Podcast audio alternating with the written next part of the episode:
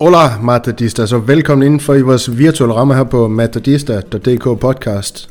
Jeg har samlet Niklas og, og Christian til en lille snak om mangt og mig i uh, Real Madrid.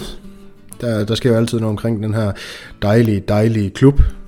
Christian, er alt vel nede omkring uh, Vejleområdet? Det tænker jeg, du får det jo til at lyde som om, at uh, det var, hvad det kunne blive til i dag, så, så vi må se, om vi kan, vi kan levere lidt over evne.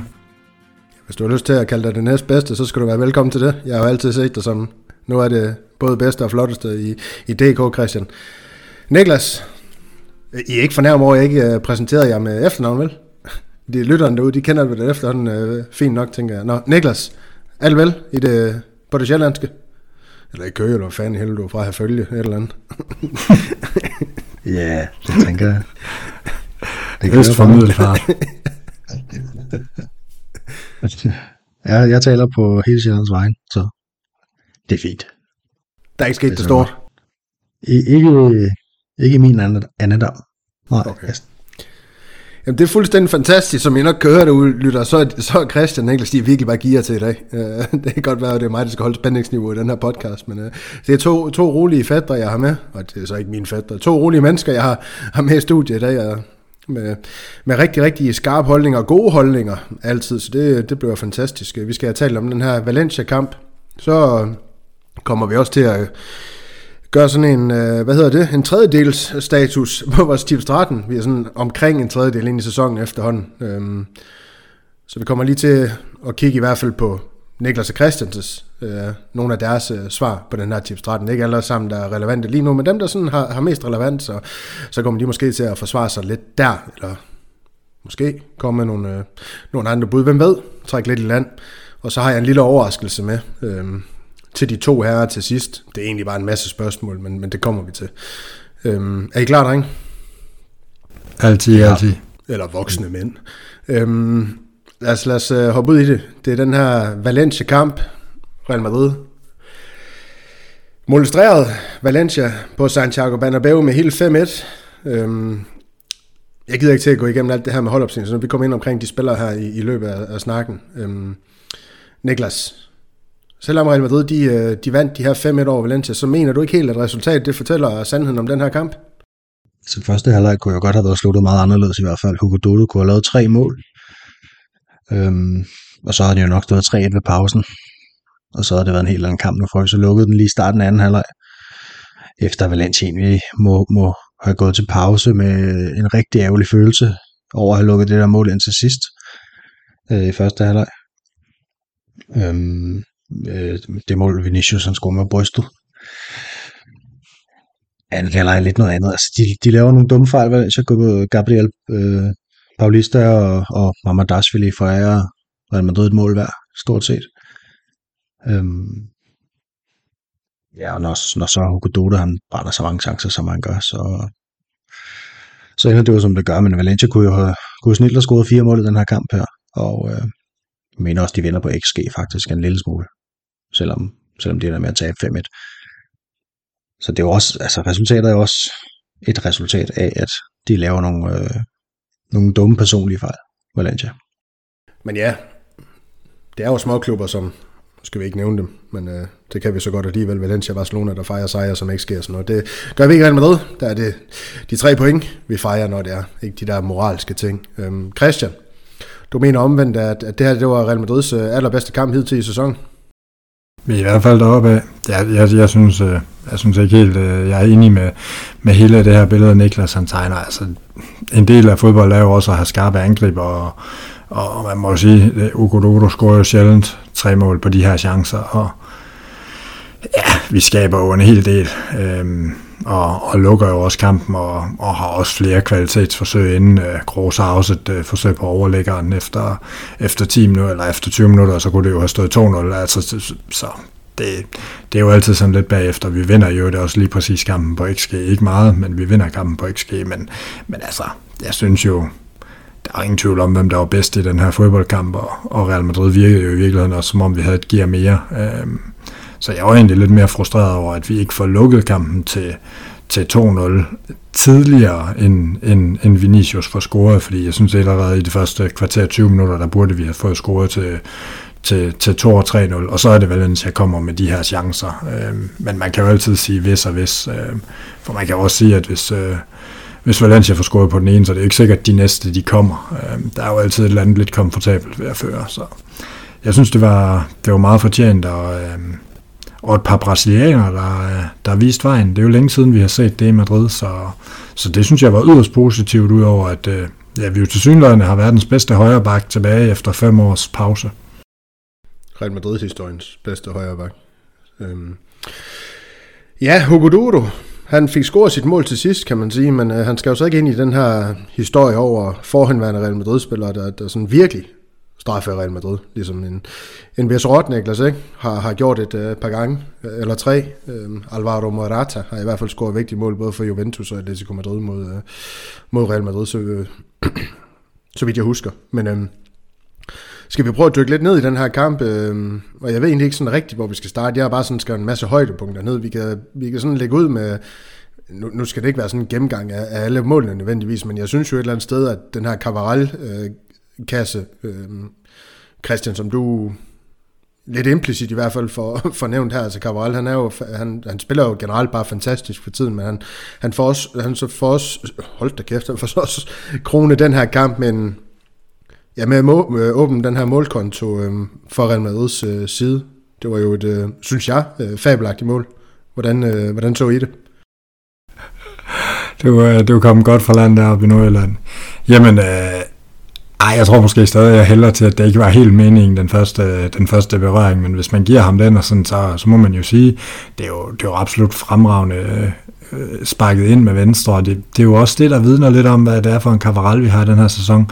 Altså, han, han tør mere. Det, det er med hovedet, og det er med venstre, og det, det er cutback-indlæg, det er almindelige indlæg. Altså, det er ikke længere bare de der, hvor han står ude 5 meter fra kanten af feltet og prøver at hælde den ind med en blød inderside. Altså, det, det er forskellige typer af, af bevægelser, han laver, øh, og, og det synes jeg faktisk er det mest positive ved det. Øh, altså det her mål, det er jo, det er jo bare et fremragende mål. Øh, det, det er så godt sparket ind, at, øh, at det skal han, han have stor ros for. Men så, så bed jeg også mærke i, at det synes jeg var godt set af, af David Nielsen, som, øh, som for en sjældent gang skyld kom til Real Madrid, og det kunne vi da godt ønske os lidt mere, i hvert fald øh, i forhold til Gravlund. Så, øh, så stort skud ud til, til David Nielsen, som er markant bedre. Øhm, det her med, at, at når Real Madrid angriber, så er det faktisk med Cavaral foran Valverde. Øhm, det, det er jo lidt interessant. Øhm, og det er jo faktisk noget af det, jeg også har slået på i lang tid, det er, at Cavaral har haft det svært de seneste år, fordi han ikke rigtig har haft nogen at spille op af og spille med og sådan, og det er lidt som om, man har fået løst det på den her lidt mærkværdige måde ved at skyde ham foran, øh, når vi har bolden. Øhm, og det, det har i hvert fald virket godt. Man kan sige, at han er, vi skal fem sæsoner tilbage for at finde samme effektivitet og, øh, og indflydelse med mål og assist. Og, øh, og indtil videre er vi jo ikke engang nået jul, så må ikke han overgår sig selv og, øh, og kommer frem til en af de bedste sæsoner, sådan øh, mål assistmæssigt. Øhm, det virker i hvert fald ekstremt lovende, og, øh, og det er dejligt at se, at han tør bidrage med nogle andre ting end gule kort. Ja, hvad en menneskekrop ikke kan præstere, når det, øh, man cutter gluten, øh, som ja, historien i hvert fald går på med, med den gode øh, Cabral her. Øh. Og så var det også den her lækre aflevering for Tony Kroos, lang aflevering, ikke? Øh, sådan øh, semidiagonalt øh, til Cavaral, så ja, jeg har valgt at kalde det en retningsbestemt tæmning, Christian, så, så må du selv øh, lægge i det, hvad du vil for Cavaral. så er jeg fuldstændig bevidst selvfølgelig. Øh. Og så, så kommer der jo nogle minutter, Niklas, du har jo berørt det lidt med Hugo Duro, ikke også, hvor man kan sige, øh, at det er en hæsblæsende indledning. Altså Kroos han har jo også den her efter 8 minutter, er det ikke der omkring på trekantssamfundet, det her frisbak, der jo øh, har tjent en bedre skæbne i virkeligheden. Og så er det jo ligesom Valencia, de kommer frem til de her tilbud med Øh, med Hugo Duro, der var både en friløber, der var en tæt under mål, hvor Lunin han gør det godt i begge, begge sekvenser, men hvordan oplevede du sådan en helt generelt indledning på den her kamp? Det skete meget, ikke? Øhm, I begge ender. Score på øh, det der Cavaral-mål, som vi lige har snakket om, øh, Kroses frispark på.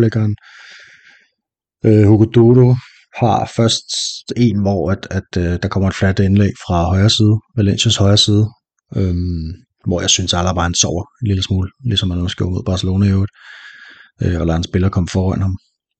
Og den ender så ind hos Hugo Dodo, der, der, der laver en god vending, men symptomatisk for hans præstation, så også en dårlig afslutning lige på Lunin, ikke? Øhm, og så igen, så er det fem minutter senere igen efter kvarters tid, hvor der kommer den her aflevering sådan ind imellem Carvajal og, og Nacho, der begge to er i tilbageløb øhm, til Hugo Dodo, som, som igen afslutter lige på Lunin, der bare griber den. Øhm, og så altså direkte angrebet efter det, der er det så Vinicius, der slipper igennem på, på Valencias øh, øh højre side og, og afdribler et par mand og, og, og næsten scorer, så det bliver lige rettet af. Øhm, så jeg synes, det er angrebsmæssigt øh, en rigtig, rigtig god start, og defensivt en lidt usikker start.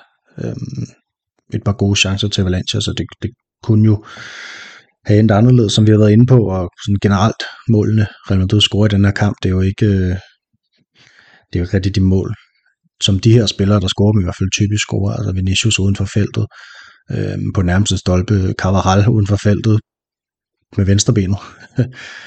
øhm, så ja, en, en hektisk start, og efter de første 20 minutter tid, eller sådan noget, så, så synes jeg, der kommer mere styr på det, og, og så, så bliver kampen lidt mere lukket, og der sker ikke så meget, og Valencias øh, sådan den der blødning, Real Madrid nærmest har ned igennem forsvaret, den stopper også lidt, og Valencia har jo ikke rigtig noget før Hugo Dodo, har den der hovedstødschance, hvor næsten ikke rammer den øh, fem minutter før pausen. Ja, så er det jo, som I begge to har lidt øh, åbnet op for det her med Vinicius Junior, han øh,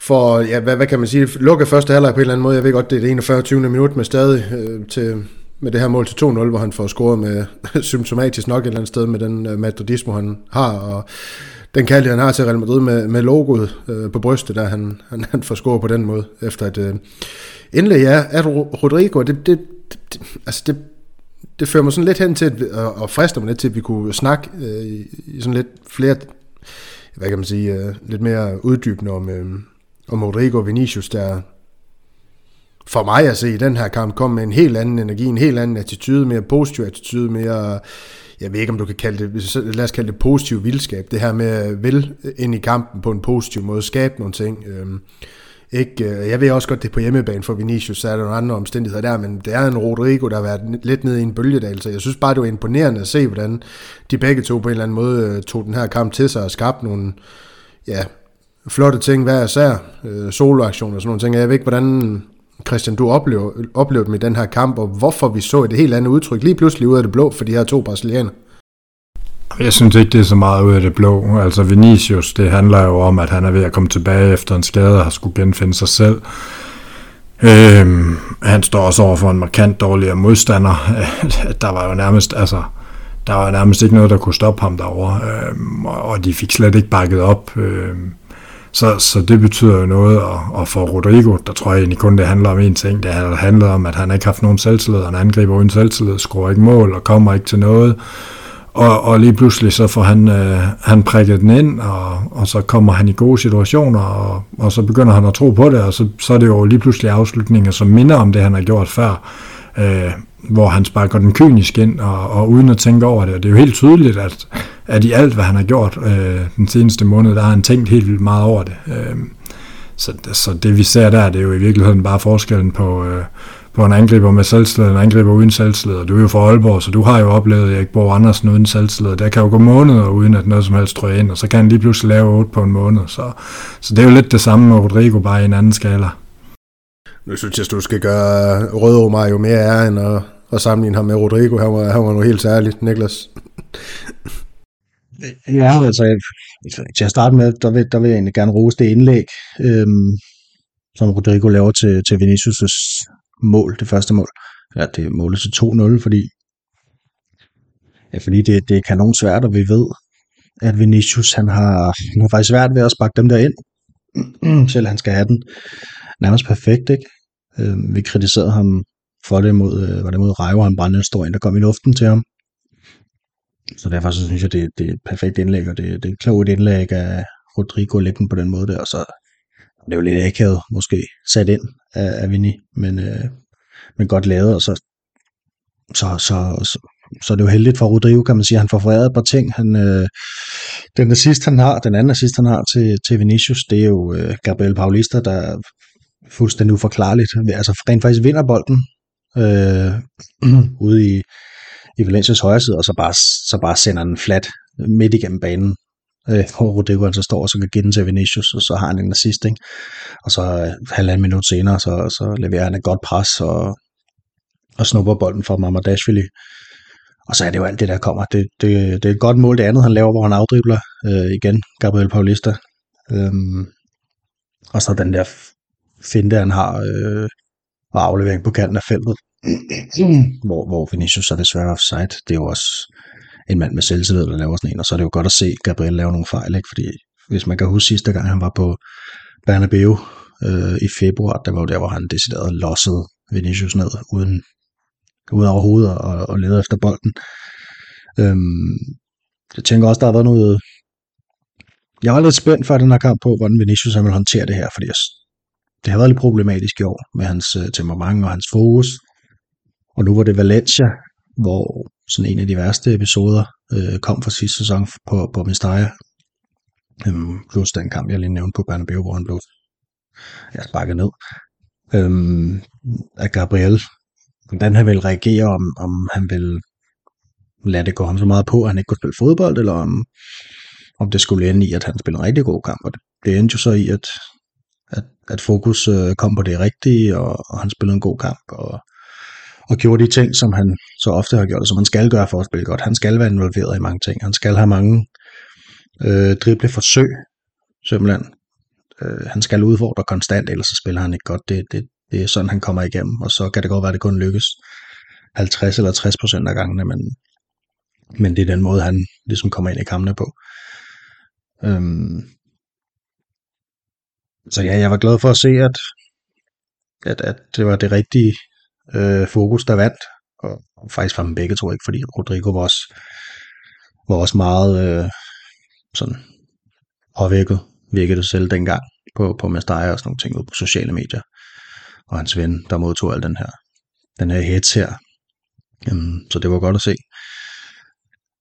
Nu er det så det med Rodrigo, at han før har spillet gode kampe. Jeg synes måske, det her det var en af de bedre sådan i Real Madrid-trøjen, men ofte så er det jo blevet fuldt op af nogle af en række kampe, hvor at han ikke gør sig specielt øh, bemærket. Så, så det er lidt spændt på, hvordan det skal gå. Nu kommer der landskamppause her, øhm, så der går lige 14 dage fra den sidste kamp, eller 15 dage fra den sidste kamp, til den næste kamp kommer, og der er jeg spændt på, om han, om han så kan fortsætte det, som han viste mod Valencia.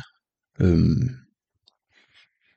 ja, så det er jeg glad for. Og så er der også det her med, med, med Bahim, der ligger bag ved dem, ikke? Altså også bare spiller fremad. Der er ikke, overhovedet ikke noget betænkningstid. Når han får bolden, så er det bare fremad, og det var mod kassen. Tager masser af chancer, afdribler, øhm, spiller i høj fart. Jeg synes, han har været virkelig et frisk pus til det hold her. Desværre for ham, så er der ikke rigtig nogen vej ind på holdet, fordi han kommer ikke til at slå Jude Bellingham af, og han kommer ikke til at spille angriber. Så sådan er det. Nej, men så kan han heldigvis, heldigvis være en brugbar reserve. Øh, det bliver der også brug for i den her sæson, når Ja, jeg ved ikke. Truppen på en eller anden måde, selvom den er bred på midtbanen, så er den alligevel relativt uh, smal, men indtil videre der er det jo blevet løst med, med de her spillere. Brahim Diaz sådan udfylder rollen ganske, ganske hederligt og fint. Det er der ingen tvivl om, Niklas. Så ja, der findes øh, få ting smukkere end øh, Gabriel, Gabriel undskyld, øh, Paulista på, på Gladis, og det var han mange gange i den her kamp, så det var, det var lækkert at se. Øhm, nu fik du også nævnt Brahim Diaz, så ham gider vi ikke at dvæle så meget mere ved. Christian, har du noget mere på den kamp her? Fordi ellers så synes jeg, vi skal til at runde af? Nej, jeg, tænk, jeg tænker egentlig, det var, det var også nogenlunde det, jeg havde noteret. Det, og så vil jeg bare sige, at altså, det gør, at vi siger, at Valencia ikke var lige så hård som sidst og sådan noget, men altså, det, det var 26-7 i frispark, så, så der var, det var også to stilarter, og, og, og der, var det, der var det fodbolden, der vandt i den her omgang, så, så det var dejligt. Også lang tid siden Real Madrid har fået en øh, sådan store sejr, hvor man fornemmer, der var overtaget det meste af kampen, i hvert fald i min optik. Så det var, det var fremragende, at vi lige kunne gå på landskampspause, eller nogen af spillerne kunne det med, med den her. Så øh, fantastisk. Og så lad os øh, hoppe ud i øh, noget quiz. Jeg har quiz med til her. Er I klar på det? Det omhandler noget, noget Valencia faktisk. Noget Real Madrid og Valencia. Vi skal tilbage til 2008, drenge Sommeren 2008, den her legendariske Supercup-kamp mod Valencia, hvor Real Madrid tabt den første kamp 3-2 på Mestalla, og så vendte det til en samlet 7-6 efter en 4-2 sejr på Santiago Bernabeu. Det var en fuldstændig mageløs kamp. Real Madrid de fik to udvisninger. Nej, nu skal jeg ikke øh, nævne nogen af dem, fordi så, så giver jeg en, øh, en fordel den her, så det kommer jeg ikke til. Og så nogle fabelagtige mål. Jeg skal, I skal på skift nævne de her 14 spillere, der fik øh, spilletid for Real Madrid i den her kamp, så det er den, der rammer forbi først, der, der ikke får point i den her. I er med på, hvordan det foregår. Og her skal vi lige have med, at uh, Niklas han uh, i går sad og lavede en sporkel med, med hold over de sidste, uh, sidste 20 år. Det, det er dejligt med en færre quiz. Jeg siger ikke, det er rigged, men det er det. Så øhm, Christian, derfor får du lov til at lægge ud. Der er 14 spillere at vælge, med for, vælge mellem, undskyld, for 2008. Det burde være lige til. Og derfor tænker du ikke, at jeg kan ramme forkert. Jeg tager, uh, jeg tager, uh, jeg tager Marcelo. Okay, vi starter lige forfra.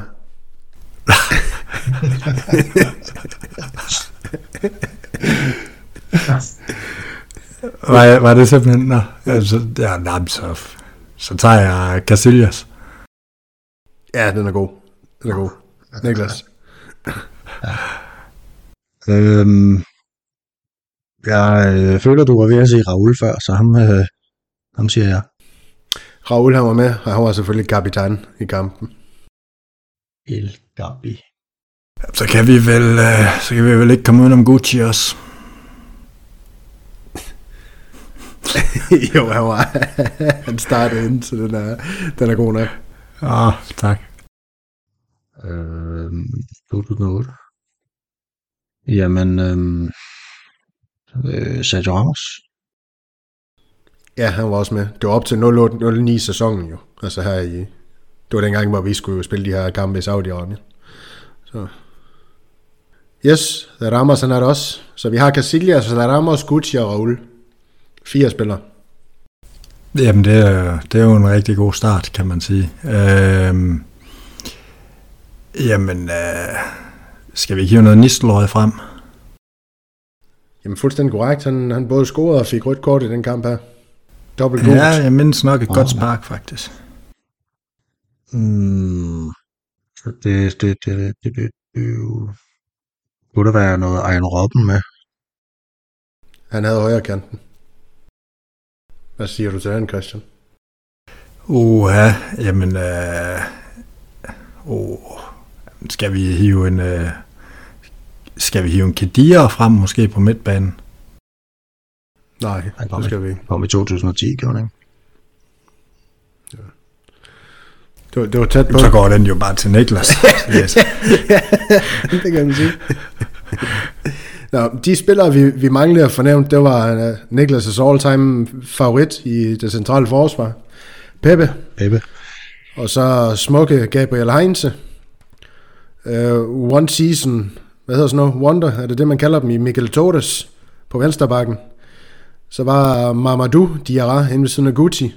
Og så var det Rafael van der Vaart, der også fik rødt kort i den kamp her. Det var ham, jeg var ved at sige, Niklas, ikke Raul. Nå, Øhm, ja, okay. Ruben Delaret, en af mine yndlinge, scorer også i den her kamp langskudsmål. Gonzalo Higuain scorer i den kamp her, Christian. Og så ham her, den hollandske DJ, eller hvad fanden er det, han er? Jeg ved ikke, han laver musik. Øh, Røsten, Ande? Drente, der er jo rapper, han er. Er det ikke sådan, der Christian? Du har lidt, styr, lidt mere styr på Drentes liv, end jeg har, i hvert fald. Jo, sidst jeg tjekkede, men øh, han, øh, han, han har en god karriere i, øh, i lidt af hvert. Det kan være, han gør, som, det gør sig som stripper nu. Man ved aldrig med den gode drente. Så 1-0 til Niklas i dagens quiz. Der er lige, et, øh, lige i hvert fald en runde mere tilbage. Så er der også en sudden death, hvis det skulle lykkes Christian at gøre et eller andet fornuftigt i næste runde. Og lad os så komme videre til segment 2. Status på vores øh, tips 13 her. Jeg har taget, hvad bliver det? Postulat 2, 3, 5, 7, 9, 10 og 11 og 12 med 13 også. Så ja, Christian, hvad vil du sige? Og jeg vil bare sige, at øh, Drante han spiller øh, for Kosakken Boys i, øh, i Holland i den øverste amatørrække i, øh, hos dem. Uh, han spillede fem kampe i den her sæson, ja. så det, jeg synes bare, det var, det var bare lige for at få ham på plads og få ham rundet godt af. Ja. Og jeg kan godt forstå, at Christian han snakker ud nu, fordi nu skal vi jo som sagt til den her tip 13. og der går det jo ikke alt for svært, kan man sige. Nå, men det her første postulat, som jeg har taget med. Ferran Garcia spiller flest bakminutter af alle i Real Madrids trup i sæsonen 2023-2024. Christian, du, øh, du svarede et rungende nej, og så har jeg lavet en parentes, fordi du fik du sagt dengang. Det gør Cavaral. Det var det, du sagde. Og Niklas, du svarede ja. Klart flest. Klart flest. Yes. Cavaral har spillet 1153 minutter, øh, fordelt på 14 kampe. Fran Garcia 640 fordelt på 13 kampe. Så altså en difference på små 100, eller 513 minutter, eller 5,7 hele kampe, hvis man regner det. Og på den måde, der er jo intet, der sådan tyder på, at uh, Fran Garcia kommer til at vippe Cabral af pinden i den her sæson, Niklas, eller hvordan uh, ser du det i forhold til uh, flest minutter? Det skulle jo lige være en skade til Cabral, men ellers... Ja, det var det, var det der var min forventning jo. Det var, at Cavaral han ville løbe ind i en masse skader, og misse omkring måske endda en tredjedel af sæsonen eller sådan noget på skader, ikke? Men øh, 7-9-13, jeg håber da, at han kan, han kan fortsætte, som han har gjort indtil videre, og så har, må jeg sige, så Frank Garcia også skuffet lidt, ikke? Øhm. Ja, desværre. Han har, haft en, han har haft en lidt svært start, hvor der har været f- hvad hedder sådan noget, flere øh, middelmålige præstationer end, end en af de gode, hvor han har været fremtrædende på den her bak. Øh, han har dog stadig øh, næstflest bakminutter i hver sæson, men øh, han har også været på banen i fire kampe mere end for eksempel Mandi, der står noteret for 536 minutter. Så man ikke, at Mandi også en mente den stjerne, han har hos øh, Carlo Ancelotti, snart overhaler Fran Garcia i det regnskab også. Så lad os hoppe videre til det næste postulat, der gik på Bellingham producerer 18 plus GA, altså mål, skråstrej oplag for Real Madrid i sin debutsæson på tværs af alle turneringer. I begge to svarer ja. Christian med en parentes om, at han også blev årets gennembrud. Øh, man kan sige det her med, at han har allerede på 16 efter 14 kampe for hans vedkommende i den her sæson. Real Madrid, de har spillet 17 i alt på tværs af alle turneringer, som jeg lige har regnet det frem. Så Christian, det er jo bare en uh, formsag for, for Bellingham, at nå de her to sidste mål eller oplæg i, i den her sammenhæng, og hvis du så skulle komme med et frisk bud on air, hvad tror du så, han ender på, når sæsonen den er forbi? Kunne det være 29. 29. 29. Ja, ja, men, men altså, jeg må bare sige, jeg gruer jo lidt for, hvad der kommer af forudsigelser. Hvis du, indtil, hvis, du, hvis du lige har sagt, at mine forudsigelser, de er, de er helt skidt, og jeg har, har nailet de to første, så gruer jeg da lidt for, hvad der kommer. Men, uh, men hvad hedder det? Der kommer 29. Uh, han, han kommer til at døje en lille smule med det her skade, og så kommer han tilbage sidst på sæsonen og, og, og lukker godt af. Hvad med dig, Niklas? Du skal egentlig også lige have lov til, til, til den her, synes jeg. Ja, jeg tænker også, at han kommer til at skrue lidt ned på tempoet øhm, i forhold til nu. Jeg, jeg, jeg, jeg ligger også afsted mellem 25 og 30 samlet set. Men er det fordi, I ser ham komme ind i en anden rolle lige pludselig? At I, I tror, han går lidt ned i kadence? Fordi han kommer vel selv sagt til at spille den samme rolle, kan man sige. Og men han har jo også voldsomt overpræsteret. Altså, det må vi jo være ærlige at sige. Uh, uh, altså, han er jo også en, der, der kommer til at ramme et hul, og nu kan det være, at Rodrigo han kommer til at, til at score nogle mål, og, og nu er han også... Uh, småskader også ikke omkring landshold og sådan noget. Noget kunne godt tyde på, på, at han måske lige får nogle pauser hister her, og så, og så tror jeg også bare, at altså, det er jo ikke for sjov, at, at det her ikke sker, det er uh, expected goals, det er udarbejdet. Altså, det er jo også, fordi det siger noget. Selvfølgelig er der nogle spillere, der overpræsterer, men, men jeg kan jo ikke lade være at tænke på en Rames Rodriguez, der i starten af sin Madrid-tid også voldsomt overpræsteret, og det udjævnede sig jo også over tid. Jeg tror ikke, øh, Bellingham han er den samme, eller bliver den samme, men altså, han er to mål fra at nå, hvad han nåede i Dortmund på 92 kampe, og han spiller trods alt i en stærkere liga. Ikke? Så, så jeg tror også bare noget vil naturligt udligne sig over tid. Øhm, og, og så vil andre steppe ind i stedet. Ja, ganske interessant. Det næste, som er postulat 5 i vores tip 13, som jeg har taget med. Rodrigo producerer flest assist på tværs af alle turneringer i sæsonen 2023-2024. Begge to sagde nej. I talende stund står han noteret for fire oplæg, flest af alle sammen med Cruz og Vinicius Junior. Christian, eller nej, undskyld Niklas, du kommer til at argumentere for, hvorfor at, øh, hvorfor du stadig ikke tror på, at han, øh, han ikke kommer til at, til at nappe den her øh, interne pris i Real Madrid i den her sæson. Jamen, det gør han ikke, fordi Vinicius han kommer til at lave flere, tror jeg, simpelthen. Øhm, altså, det er jo ikke... Jeg, jeg er jo nok den, den mindste Rodrigo-tilhænger i det her panel her, så det er jo nok... Øh, det er jo nok lidt, lidt sjovt at spørge mig, men, men altså, jeg synes jo, nu, nu fik han to sidst. Øhm, han har ikke endnu i sin Real Madrid-tid vist sig at være en spiller, som, som præsterer over en hel sæson, eller, eller, eller, eller lange perioder. Øhm, så det kan komme i, i, ja, i små perioder. Der kan der godt komme en del, og den, nu er der kommet to her på én kamp. Øhm, men over en hel sæson, så synes jeg bare stadig, der er et par spillere, som, som måske kommer til at, at lidt, ligge lidt højere end ham på den. Han skal nok få sin assist, fordi vi, vi skal jo også have, have nogen til at score målene, og det bliver måske heller ikke nødvendigvis ham. Øhm, og det vil jo være ham, der, der ofte kommer til at sætte, sætte de to andre op, ikke? Men, men jeg tror stadig på, at for eksempel Vinicius, han kommer til at overhale Det vil jeg gætte på. Yes. Christian, du havde en øh, kommentar, det var ikke øh, mere drinte, vel?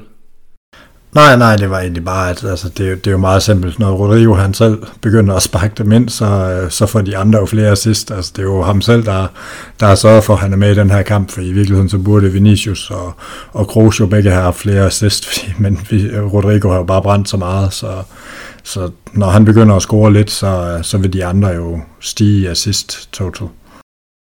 Så øh, du holder også stadig fast i, nej, du kan egentlig heller ikke ændre. Så sådan det. Jeg hæber på Rodrigo, så I kan komme til at se lidt, øh, bare en lille smule dumme uge her til. Sæsonafslutningen nummer 7. Real Madrid vinder The Double i sæsonen 2023-2024. Niklas, du svarer nej. Christian, ja. Med La Liga og Copa del Rey. Øhm, man kan sige, at vi ligger godt til La Liga. Men øh, Niklas, er der noget i vores form, vores spil, i vores statik, i vores bredde i truppen, i vores kvalitet i truppen, der måske kunne få dig på andre tanker øh, her en lille tredjedel ind i sæsonen, i forhold til din spot om i starten af sæsonen? Ja, vi har måske i virkeligheden været en lille smule bedre, end jeg troede. Øhm, men jeg synes også, der er nogle gode konkurrenter. Altså, jeg synes, at Atletico, de, de har jo så været en, en kamp bagud i lang tid, men de fælder jo tæt med og viser at være bedre end os i, i den indbyrdes. Øhm, så det er med lidt spændt på i år. Det, det må jeg indrømme, og så synes jeg også, der mangler målscore på holdet. Altså over en hel sæson. Øh, Vinicius og Rodrigo har ikke leveret øh, det, man skal indtil videre. Det, det, de er så også så heldige, at, at Jude Bellingham har leveret langt over det, som man måske kunne forvente. Men over en hel sæson, så har du simpelthen brug for målscore. Brug for, at der er mere end en, der, der scorer mange mål, hvis du skal vinde de her trofæer her. Øhm, så jeg vil sige, vores angriber, de skal op sig. Jeg ved godt, nu har de lige spillet et par gode kampe. Men, men, men, men sæsonen er lang, og de skal forsøge at bibeholde den, den her form her. Så, så kan det godt være, men, men hvis de falder lidt tilbage til, hvad det var for, for en uge siden, hvad det i virkeligheden, så, øhm, så tror jeg altså, at de kommer i problemer. Ja, Christian, du, øh, du føler dig stadig fortrøstningsfuld øh, på dit bud, en mente øh, Spaniens øh, pendant til Manchester City, Girona. De står med flest point af, af alle hold på tværs af de fem største europæiske liga. Liga, undskyld. Jeg er i hvert fald mere bekymret for Copa del Rey, end jeg er for La Liga. Lad mig sige det på den måde. Ja, det, det siger historien jo også, at man, man skal være som Real Madrid-fan. Uh, Copa del Rey, det er ikke uh, noget, der hænger på træerne, i hvert fald ikke i nyere tid. Nå, videre til nummer 9, som Ro- Rodrigo bliver Real Madrids topscorer i Champions League. Har I begge to også svaret nej, der er faktisk ikke en stor tiltro på, eller til Rodrigo, for nogen af jer også, når man tænker på Rodrigo, Rodrigo, jeg vil ikke sige, at han er mester Champions League, men det var der, han excellerer i, i mange kampe, så ved jeg godt, det har været i knockout-fasen, øh, mange af dem, men alligevel, Real Madrid har til scoret øh, ni mål i alt, Bellingham står noteret for tre af dem, og han mener jo, at han øh, kommer til at slappe lidt af. Vinicius og Rodrigo er på to hver. Finder I det stadig ikke sandsynligt, at Rodrigo han, øh, han napper den her, også en mindre hans Champions League historik, som jeg har skrevet, øh, med mange vigtige mål, og, og OK mange mål sådan øh, generelt, Christian? Nej, jeg tror, det tror jeg ikke, han gør. Så du tror hverken, han kommer til at lave oplæg eller score mål? Så, så, så, Ej, så, så, så, være, så, hvor han, hvor han sætter dem ind i La Liga fra Vinicius, der får flest assist, så i Champions League, der hvad der der scorer han så bare ikke på de potentielle oplag, han får fra Vinicius.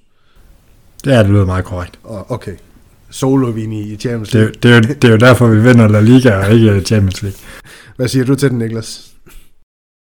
Ja, men jeg, jeg er sgu stadig lidt... Øh... Altså, for en uge siden, der skulle vi sælge Rodrigo, ikke? Så øh, kom han lige to, to gode kampe. Så jeg øh, forbeholder mig retten til at være skeptisk fortsat. Ja, det er så fint. Det er så fint. Så lad os hoppe videre til, til når Kammervenga. Kammervenga får flest minutter af alle midtbandspillere i sæsonen 2023-24, der i begge to svarede ja. Og det er her, det begynder at gå ned ad bakke, Christian. Det er faktisk Valverde, der står noteret for flest minutter i talende stund med sine 1312 minutter. Bellingham, han er nummer to. Ham vælger jeg at tage med som midtbanespiller øh, med 1216 minutter. Og så nummer tre, der finder vi så øh, vores gode Kammervenga med små 1061 minutter. Er vi stadig fortrøstningsfulde, drenge? Med os, ja? Niklas, du kan få lov til at lægge ud her. Ja, ja. Det, det skal nok gå. Det er en lang sæson, og han spiller, han kan både spille 8 og 6 og venstre bak, så det skal nok gå. Ja, med den øh, frekvens af målmandsskader, vi, vi render ind i, så kommer han nok også dernede på et tidspunkt. Det er ikke utænkeligt. Hvad med dig, Christian? Samme som Niklas? Ja. Jo, men nu har vi jo allerede Bellingham lidt ude. Altså, det, det skal nok komme. Kammervenger bliver ikke skadet, så, så det kommer lige så stille. Yes. Og så, var der, så er der den næste, hvor Christian han er naturligvis fedt spiller. Man er jo for Vejle. Eller det ved jeg faktisk ikke, om du er. du er i hvert fald både i Vejle. øhm, Vinicius Junior laver 30 plus mål på tværs af alle turneringer i sæsonen 23-24. Niklas han svarede ja. Og jeg kan ikke huske, om, om det var med visse forbehold, Niklas. Og Christian svarede nej. Han laver seks tid til, så en femtedel af de her 30 mål. Men øh, kurven er, eller er det en sjettedel? Nu skal jeg passe på. Nej, det er en femtedel, undskyld. Men kurven er opadgående for en mål her i de seneste kampe. Øhm, du har, øhm, du har vel slet ikke en sådan my af tvivl i kroppen, Niklas, om at, øh, at øh, den gode Vini han nok skal nå de her 30 plus. Åh, oh, det kan godt være, at jeg lige kan finde et gram eller to steder, hvis jeg leder. øh, ej, han skal til at skynde sig, ikke? Ja. Ja. Ja, det, det, ja, om, om man kan omvendt sige, det, det er jo lidt, altså, jeg ved da godt, det kunne være fedt at vinde sådan en her for, for Christians vedkommende, men, men det er jo lidt ambivalent, fordi at uh, Real Madrids succes i den her sæson, det står, også, står og falder et eller andet sted også med, hvor mange mål han kommer op på, uh, Vinicius. Det er, jo, det er jo også en sandhed i det her, når han spiller, hvad han gør. Men uh, lad, os, uh, lad os hoppe videre til, til den her. Rüdiger slår Militao af pinden og bliver Alabas smakker i løbet af sæsonen. Øh, Niklas, øh, der var du den eneste, der svarede ja. Det var du fuldstændig overbevist om. Jeg ved ikke, om du havde kigget den her spot inden og havde forudset øh, Militao skade, men øh, Christian han havde altså ikke set den her komme, så Christian, der, der, der faldt du sgu af. Ja, men det er faktisk lidt irriterende, fordi jeg har jo været en af dem, der har også uh, talt Rydiger lidt op. med at mindes også, at jeg faktisk uh, til mit forsvar sagde, at, uh, at jeg troede nærmere, det var Alaba, han ville slå af en, uh, øh, han ville tage. Men, uh, men jeg må jo bare give Niklas, at uh, det, det er godt forudset. Den, uh, den skal du have. Uh, ja, heldigvis så, uh, så har vi jo lært en masse som klubber og forlænger nu med Militao, så det er jo dejligt at se, at vi har lært af Asensio i sin tid. Ja, og Niklas, lige på den her, der tror jeg, at stillhed det er den bedste argumentation for, for dit vedkommende. Så lad os så videre til den sidste, øh, som, som også er den sidste på den her tips 13 i al almindelighed. Øh, Toni Kroos klokker flere minutter ind på tavlen Modric, der svarer i begge to ja. Kroos han står også noteret for de her 889, hvor at Modric står noteret for 607 og 40 minutter. Øh, så faktisk markant mindre end de, de tre andre, der, der blev nævnt tidligere i, i den her snak. Øh, og fornemmelsen, den er vel fortsat, øh, Christian, at tyskeren han har kortere til spilletid, og, og faktisk også synes vigtigere i, for Carlo Ancelotti taktisk end, øh, end Modric. Altså, altså Kroos er jo, er jo genopstået en lille smule, og så må man jo bare sige, nu, nu er der jo igen landskampspause, hvor, hvor Kroos han jo 100% starter kampen efter, og hvor Modric han højst sandsynligt højst får en halv time, og, og i løbet af en sæson, så løber de der pauser jo op, øh, og så er Kroos bare, ja, som du siger, han har lidt genopfundet sig selv. Og hvad er din øh, sådan fornemmelse, Niklas, i den her lille duel, kan man sige, mellem Kroos og Modric øh, på spilletid? Fordi er det ikke sådan, altså jeg, jeg har sådan lidt set det som om, at når Modric han har fået det, så er det, hvor der har været sådan lidt øh, øh, gnidninger i pressen om, at han har været lidt utilfreds med, at han ikke får nok spilletid og sådan noget. Og så spiller han så kampen efter klassisk Carlo. Jo, altså jeg vil sige, at Kroos han er, han er en del af idealopstillingen, og det er Modric til ikke, så, så sådan, han, han, han bør jo få flere minutter Kroos, end et Modric gør. Jeg er sådan jo selvskrevet til den næste kamp, ikke? Den er stensikker, han starter ind. Ja, lige præcis. Lige præcis. Så Nå, det- jeg- jamen, jeg øh, tænker det var det han for var- den her tips 13. Ej, Christian, I, I har som gjort det fint nok indtil videre, så det var bare for at, at gøre dine håndflader måske lidt svedige, men øh, det kommer jeg så ikke til. Det kan være, at den her næste runde af quizzen kommer, kommer til i stedet for. Det bliver en omgang tættest på. Også med noget Real Madrid og Valencia. Og det bliver ren gætteri, det her. Der er umuligt nogen af jer, der kan vide det. Real Madrid og Valencia har mødt hinanden. Der skal I sætte... øh, det, det, altså, I skal afslutte sætning. Nej. Real Madrid og Valencia har mødt hinanden 204 gange i historien, og det her det er ifølge transfermarkt. Hvor mange mål har Lars Blancos scoret mod Los Che i de 204 kampe? Og jeg Hvem synes, starter? jamen, jeg, jeg synes, du skal, du skal have den i baghånden, nu når Niklas han fører. Så Niklas, du får lov til at starte. Eller får lov, det ved jeg ikke, om det, det var så meget jeg sagt. 204 kampe. Ja, Øhm, gange 5 mål. ja. Så har man vel scoret... Ja, nu skulle jeg være bedre til hovedregning. Så har man scoret, så har man scoret øh, 373 mål. Jeg siger 354, det var det, jeg tænkte, og jeg gider ikke fedt spil. Nå, jamen, øhm, så skal jeg jo som vært, tænker jeg. Det burde jo egentlig ikke være mig, det burde jo være den tabende, tabende spiller i det her quiz, der ønsker den vindende deltager tillykke. Men øh, Niklas, tillykke med sejren, fordi svaret det var, eller er, 387 mål har Real Madrid scoret, så det var, det var relativt tæt på. Alt er jo relativt. Det var dit jo også, Christian. Det var ikke et dårligt bud jo. Det var bare ikke godt nok. Nej, præcis. Præcis. Så ligesom Hugo Duro mod Real Madrid. Så vi skal ikke ud noget sudden death, der kan vi også få runde podcasten af hurtigere. Men vi skal lige igennem det her. Segment 3. En lille artig overraskelse, som jeg kaldte det, med hjælp fra vores fantastiske crew. Fordi vi plejer nogle gange at hive øh, lytterspørgsmål ind. Men den her gang har jeg faktisk valgt at så ret henvendelse til Oscar, Jesper, Malte og Nikolaj. Nikolaj han styrer vores Instagram-profil med, med hård hånd. Om et par spørgsmål fra dem hver især, som, øh, som I ikke har fået lov til at forberede jer på, som I skal svare på fra hoften. Så det tænker jeg, det kunne blive sådan en lille interessant ting. Øhm, I får ikke begge to lov til at svare på, på hver af de her spørgsmål. I får lov til at... Der er ni spørgsmål i alt, så det bliver sådan, så vælger du for eksempel, Niklas, hvad ved jeg, nummer 5. Så får du nummer 5, så kan du vælge nummer 2 bagefter, Christian. Så vi sådan hopper lidt rundt i det, og, og får præsenteret nogle af de her spørgsmål. Skal vi ikke gøre sådan, det synes jeg. Så Christian, du får lov til at lægge ud som øh, den tabende øh, quizdeltager i dag. Jamen, det er jo Real Madrid, så lad os starte med nummer 7. Nummer 7, det er for Oscar. Hvem eller hvad kan, apropos, nej, apropos Rodrigo, hvem eller hvad kan redde Rodrigo? Er spørgsmålet. Jamen, det må jo så være, at øh, han begynder at score mål. det, det, det, Og ikke lave for mange assist. Nej, præcis.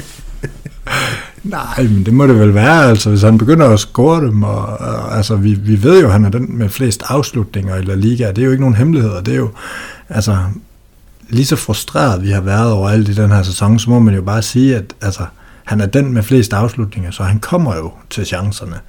Øh, så hvis han begynder at hakke dem ind, så er der ikke godt. Jeg ved ikke, om David han lige vil hente 0, eller hvad der sker der. Men, øh, men, men ja, så hvis, hvis Rodrigo begynder at score mål, så, øh, så skal det nok redde ham. Men, øh, men jeg tror heller ikke, der er ikke andre, der er ikke andet. Altså, det, det er op til ham selv at finde løsningen på det her. Ja, spændende. Niklas, et tal med lidt af 9, som ikke er 7. 3. 3. Ja. Det var også for Oscar. Han øh, kold og kynisk. Hvad gør jeg så sikker på, at ændring, han er, øh, ændring, hold nu kæft. Hvad gør jeg så sikker på, at ændring er løsningen? Løsningen på hvad? Øhm, Ikke Real Madrids øh, problemer på, på nieren eventuelt. er det, øhm, er det nu, jeg skal, ja, jeg skal indtage en rolle, så jeg tror fuldt og fast på, at Indrik kan blive frelseren, eller? Ja, det gør du. Ja, ja det gør jeg faktisk. Nå. Ej, jeg kan godt lide det, jeg ser fra ham, når jeg, når jeg ser ham. Øhm, jeg kan godt tone ind nogle gange, når han spiller de der de spiller jo, de spiller jo lidt sent, øh, sådan et halvt år om natten, så det er jo ikke hele kampen, jeg ser, men jeg ser, jeg ser lidt, og så ser jeg højdepunkter efter, og det som, det som sådan opmunter mig lidt, det er den udvikling, han gennemgår. Altså han gik jo fra tidligere på året, at øh, starte ude og faktisk ikke altid komme ind, og så blev han lidt senere blev han sådan en, en, en mand, der kom ind, når man skulle bruge et mål, altså en, en primær indskifter, og nu er han faktisk på det seneste, der starter han ind hver gang, ikke? og lige blevet udtaget til landsholdet også, som den yngste mand siden øh, Ronaldo, tilbage i midten af 90'erne. Øhm, jeg synes, han er, udover at være en rigtig god fodboldspiller, han sparker med begge ben, selvfølgelig bedst med, med venstre benet. Øhm, virker moden. Han, øh, han har taget det til, han, han har ansat en, en underviser til at lære ham både spansk og engelsk, og, og faktisk også til at undervise ham i kultur. Øhm, sådan så han ikke kommer til at få et kæmpe stort chok, når han flytter, flytter til, til Spanien, og det synes jeg vidner om en, om en mand, der er moden, og, og jeg har jo tit sagt, at, at talent er en ting, du kan have alt, talent, alt det talent i verden, uden nødvendigvis at kunne slå igennem i Real Madrid, fordi det kræver en bestemt personlighed, og det virker som om, at, at Enrik han er klar til det her øhm, personlighedsmæssigt. Så klar som man nu kan være, når man kun er 17 år. Øhm, så han er, altså sådan på banen, så er han altid ikke. Han kan spille nieren, det har han ofte gjort. Han har også ligget til højre. Han har et, øh, et rigtig, rigtig godt venstreben, som jo indikerer, at man måske kunne finde på at sætte ham øh, i højre side en gang imellem. Så jeg tror, og jeg håber i hvert fald, at han kan være brugbar allerede i første sæson. Det var Vinicius jo især. Øh, Rodrigo var det også, så det tror jeg også godt, at, at Endrik han kan være.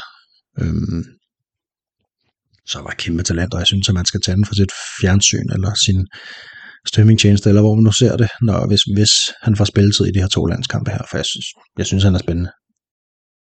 Lad os uh, blive ved det, og så uh, hoppe videre, Christian. Nu skal du så vælge, vælge et tal med midt 9, der ikke er, hvad var, 7, og hvad fanden sagde Niklas 3?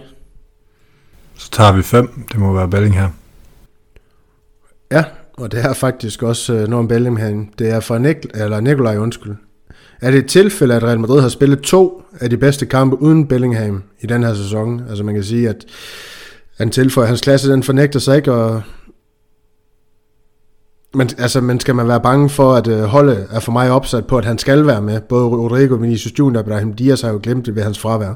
Det er bare det, han tilføjer til, til hans eget spørgsmål. Jamen, det er, et, det er et tilfælde. Vi har jo selv snakket lidt om nogle af marginalerne, der gik vores vej. Vi har også spillet gode kampe med Bellingham, og, og man må sige, det var nok ikke gået lige så godt i Barcelona, hvis han ikke havde været med, så det, det, det er lidt et tilfælde. Ja, ja. Spændende. Kort svar som vi kender Christian, kort og præcist. øh, Niklas, et, et nyt tal mellem 1 og 9, der ikke er 3, 5 og 7. Ja. 4. Mm. Det er fra Malte. Han skriver, Ancelotti har ingen lunde for vane at bruge de unge Castilla-spillere, men nu har Nico Paz fået to indhop i træk. Hvordan vurderer du det? Ser Ancelotti et større lys i den unge argentiner end eksempelvis Arribas, og agter han at gøre ham til en reel mulighed for førsteholdstruppen i løbet af sæsonen? Eller er det bare for at lukke munden på de her spanske kritikere, inden Carlo alligevel selv er fortid til sommer? Ja, det tog mig lang tid for at læse det sidste op. Øhm, ja, et spørgsmål om Ancelotti for Malte. Hvem har set den komme? Ja, ja det var det. Øhm, altså, jeg stoler sgu ikke så meget på Ancelotti, når det kommer til, til sådan en håndtering af de her Castilla-spillere her, det må jeg indrømme. Øhm, vi ved også med 100% sikkerhed, at når han er med, så kommer han ind, når førsteholdsspillerne er blevet skiftet ind. Så det er sådan lidt sporadisk, ikke? Det er sådan lidt... Altså, det er jo gratis indskiftninger, han, han får lige nu.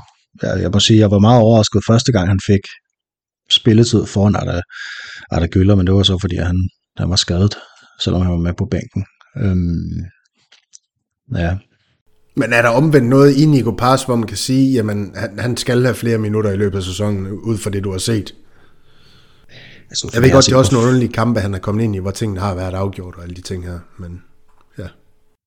Det er jo det, og, og måske en, en, en type, der minder lidt om, om Arte Gøller, ikke? så øh, hvis han kommer til at ligge og kæmpe med ham om spilletid, som i øvrigt er yngre, altså, så bliver det jo svært fremadrettet. Og, og Arte er førsteholdsspiller, så han kommer til at få spilletid før Nico Pass, det er jeg ikke tvivl om. Men, men, men det har jo før, altså vi har jo før set, at, at, at Carlo Ancelotti bare, så har han bare brugt tre eller fire udskiftninger. I det mindste så får han spilletid, Nico Pass. Øhm, så, så, så, det er da positivt i hvert fald. Men jeg, jeg er ikke øh, overdrevet optimistisk på hans vegne i forhold til spilletid i den her sæson. Altså, det, det er ikke. Det er der heller ikke nogen grund til at være. Og man kan jo bare kigge på Alvaro Rodriguez, som jo lige pludselig er glemt, efter han jo fik nogle indhop i sidste sæson, så vidt jeg husker det, jeg egentlig gjorde det fornuftigt, men aldrig har set siden på første hold. Christian, et tal mellem 1, 2, 6, 8 eller 9? 1, det er for Oscar. Hvad bliver den største udfordring? Ikke for dig personligt, tror jeg, men for Real Madrid mellem nu og den 31. 12. Hmm, det er et godt spørgsmål. Jamen, jeg tror, det bliver, det bliver at holde kadencen. Det er altid svært her op mod jul. Øhm, både fordi vi er trætte spillere, vi er spillere, der kommer hjem fra landskampspause nu, og øh, så det bliver at få den rette dosering af spillerne, øh, så vi både har motiveret øh, og skarpe spillere med. Øh, det tror jeg faktisk bliver den største udfordring, uden at skulle gå ind i nogle bestemte kampe, for vi har jo den fordel, at vi stort set er videre i Champions League, så, så der ligger ikke nogen, nogen store hurdles der. Øhm, men jeg tænker det her med at få doseret både øh, de fysiske og de mentale kræfter. Super svar. Niklas, tal mellem 2, 6, 8 og 9. 2. Det er fra Jesper. Og Jesper han er i Florentino Perez-genren med sine spørgsmål. Florentino Perez accepterede, at Ciudad Real Madrid med tiden får hans navn, men han insisterede på at få lov til at bestemme, hvornår. Og Jesper han stiller så spørgsmålet, hvad siger det om ham som præsident og person, Niklas? Mm. Ja, ja. Om det så er, er en slags falsk beskedenhed, eller hvad det er, så siger det jo noget om, at man, øh, man, man, man stiller klubben højere end sig selv. Øhm, også at man måske Altså jeg tænker da helt klart, at Florentino Peters han gør, hvad han kan for at for, for at det bliver ham og Santiago Bernabeu, man kommer til at tale om i fremtiden, altså præsidenten, ikke stadion. Øhm, det må da være hans mål, tænker jeg. Mm. Men han indtager den der rolle som firmaets mand perfekt i hvert fald. Og, og, og han, han har jo været den bedste præsident, vi kunne ønske os, tænker jeg, umiddelbart. Øhm, men ja, han, han, han gør meget godt for Real Madrid, det må man sige, og det er fuldt fortjent, at han, han får hele det her øh, træningskompleks opkaldt efter sig. Den dag, han, når, når han selv ønsker det, han siger, at han er simpelthen ikke øh, psykologisk klar endnu til at se sit navn på, på døren derind til, så han, han vil gerne selv bestemme, hvornår, hvornår det skal være. Øhm, og jeg accepterede jo meget modvilligt, øh, ifølge den tale, som han holdt ved generalforsamlingen. Så ja, en, en, en mand, der sætter, sætter klubben over sig selv, og det er jo sundt. Det, det er ikke alle klubber, der, der er så heldige. Nej, det er bestemt ikke, og jeg kan se, at øh, jeg har fået smidt det samme ind for spørgsmål ind for Jesper to gange. Det går jo ikke, men øh, Christian, du må jo så vælge øh, mellem øh, 6, 8 og 9, bliver det jo så. Stav 9 Øh, lige med at holde tungen lige i munden. På generalforsamlingen i lørdags fik Florentino Perez mandat til at optage nyt lån på 370 millioner euro, så prisen nu samlet løber op i 1170 millioner euro. Altså næsten en fordobling af den oprindelige pris. Øh, hvad er jeres tanker om det, eller hvad er dine tanker om det, med tanke på de yderligere tiltag, undskyld, som blev besluttet undervejs i moderniseringen, her tror jeg, han snakker om øh, det nye Santiago Bernabeu. Jamen, jeg tænker jo, det er jo, det er jo svært, for når man først har sagt A, så, så, så er man jo også nødt til at sige B. Når man først er begyndt at renovere, så er man jo også nødt til at fortsætte. Jeg synes jo, det er positivt, at man har prøvet at gøre et eller andet anderledes ved græstæppet, end andre, der har tænkt sig at, at have, hvad hedder det, øh, at have overdække og, og andre events. Bare spørg parken. øh, men også andre stadions rundt i Europa. Øh, så på den måde jeg er jeg spændt på, om det lykkes det her. Øh, men, men jeg synes jo, det er positivt, at man har prøvet et eller andet andet. Øh, men, men det er da lidt bekymrende, at det er blevet så meget dyrere, øh, og jeg ved godt, at, øh, at der er mange, der siger, at, øh, at det skal nok tjene sig ind og sådan noget, men jeg synes også, at man før har set de her med, med sådan nogle stadionprojekter og sådan noget, det er, det er ikke så nemt bare at fylde stadion flere gange om ugen og lave alt muligt, så, så jeg har også en lille smule, jeg har en lille smule skepsis og en lille smule bekymring, men, øh, men altså, når man ligesom er gået i gang og er på vej ned ad den sti, så er man også nødt til at fortsætte, og så kan jeg et eller andet sted også meget godt lide, at man, man vælger at lave den grundige renovering, i stedet for at og, og så nøjes med, med 70-80 procent, og så skal man alligevel lave lappeløsninger hen ad vejen. Så, så det er jo som det er, tænker jeg. Ja. Glimmerne. Og Niklas, du får den sidste øh, for Nikolaj her. Hvis du kunne, og nu skal du lege sådan lidt købmand, altså tanken der er lidt, hvis Real Madrid de skal vinde uh, The Triple, Champions League, Copa del Rey og La Liga, hvilke to spillere vil du så skille dig med i den nuværende trup, og erstatte med, med to andre i fodbold Europa, for at gøre det her endnu mere konkurrencedygtigt? Det giver mening. Ja. Ja. Jo, jo, jo. Yes. Det er bare lige... Jamen, så vil jeg da skille mig af med Lucas Vazquez og købe Kylian Mbappé. Og så vil jeg... Nej, det ved jeg ikke. Det skal også være lidt realistisk. øhm, han har, faktisk, det, har, det har han faktisk skrevet, og så har han skrevet en hashtag bip Mbappé.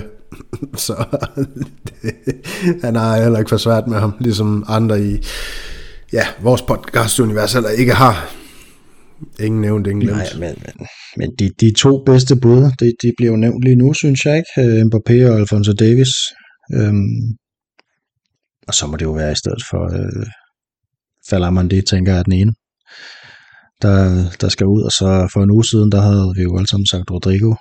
Så, så, øhm, så ved du hvad, det holder jeg fast ved. Så, fordi men der skal også nogle penge ind, hvis der skal nogle penge ud. Og det, jeg ved, han bliver selvfølgelig ikke solgt, han har lige forlænget sin kontrakt. Men øh, hvis, hvis, hvis der skal være lidt balance i regnskabet, så bliver man jo nødt til at skille sig af med nogle dyre her også. Ja, ja, helt bestemt. Det er i hvert fald to uh, powerful spillere, man får ind med noget fart, og ja, nogle atletiske evner også, altså Alfonso Davies og Mbappé i så fald, så de kunne nok flytte øh, bjerg i Real Madrid, de to spillere, men lad os se, hvad der kommer til at ske til sommer. Det kommer i hvert fald ikke til at ske i januarens transfervindue, det her. Men øh, hvis det gjorde, så kunne det jo være, at der sad nogen og, og klappe i deres øh, små hænder.